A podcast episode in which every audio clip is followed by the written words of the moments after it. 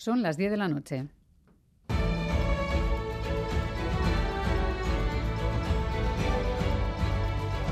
Radio Euskadi y Radio Vitoria. Servicios informativos.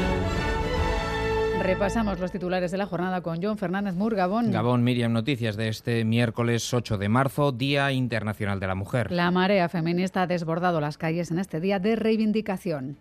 Cobramos menos, hacemos las labores domésticas, las labores de cuidado. ¿Qué queda? La mentalidad, porque estamos consiguiendo leyes y muchas cosas, ¿no? Pero la mentalidad todavía, esos residuos machistas están ahí muy pegaditos. Yo estoy porque es un poco la cara de todo el trabajo que hacemos las mujeres a lo largo de todo el año.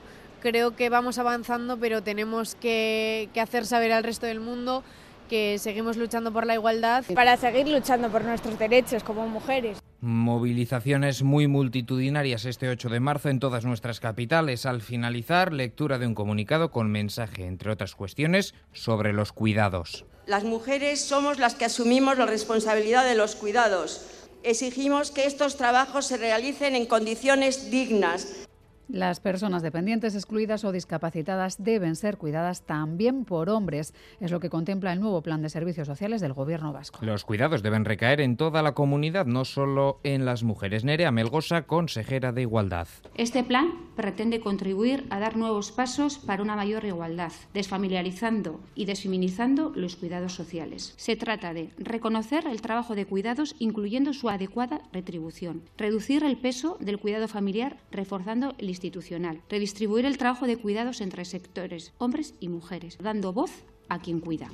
El día de hoy también nos deja el anuncio del movimiento feminista de Euskal Herria de que camina hacia una huelga general feminista en otoño. Todavía sin fecha concreta y con detalles por pulir, pero esa es la intención del movimiento feminista. Todavía no hay una fecha concreta porque precisamente queremos que sea un proceso eh, de base construido con todas las trabajadoras, con todas las trabajadoras incluso que no tienen derecho en principio a hacer una huelga como son las trabajadoras de hogar y de cuidados internas.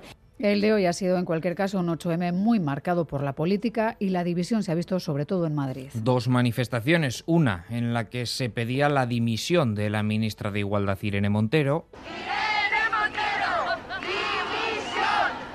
y otra mayoritaria encabezada por la ministra de Igualdad, que ha vuelto a referirse a las eh, discrepancias en el seno del Gobierno por la reforma de la ley del solo sí es sí. Irene Montero. Tenemos, como saben, una discrepancia política. Creo que es una mala noticia para las mujeres que el Partido Socialista se haya dado de la mano del Partido Popular para intentar volver al Código Penal de la violencia o la intimidación.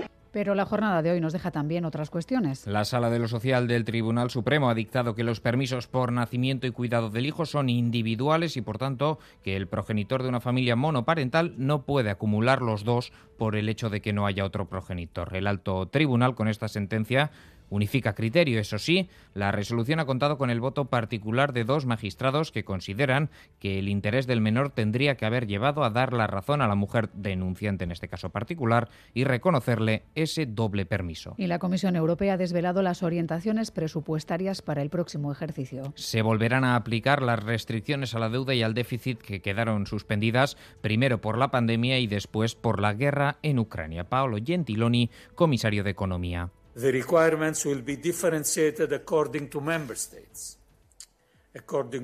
Según Gentiloni, los objetivos estarán diferenciados según los Estados miembros y hasta alcanzar un déficit público del 3% y una deuda del 60% del Producto Interior Bruto, habrá que hacer un complicado ejercicio de equilibrismo durante este periodo de transición. Es todo, así terminamos. Más noticias en una hora y en itv.eus y en la aplicación ITV Albisteac. Geruarte.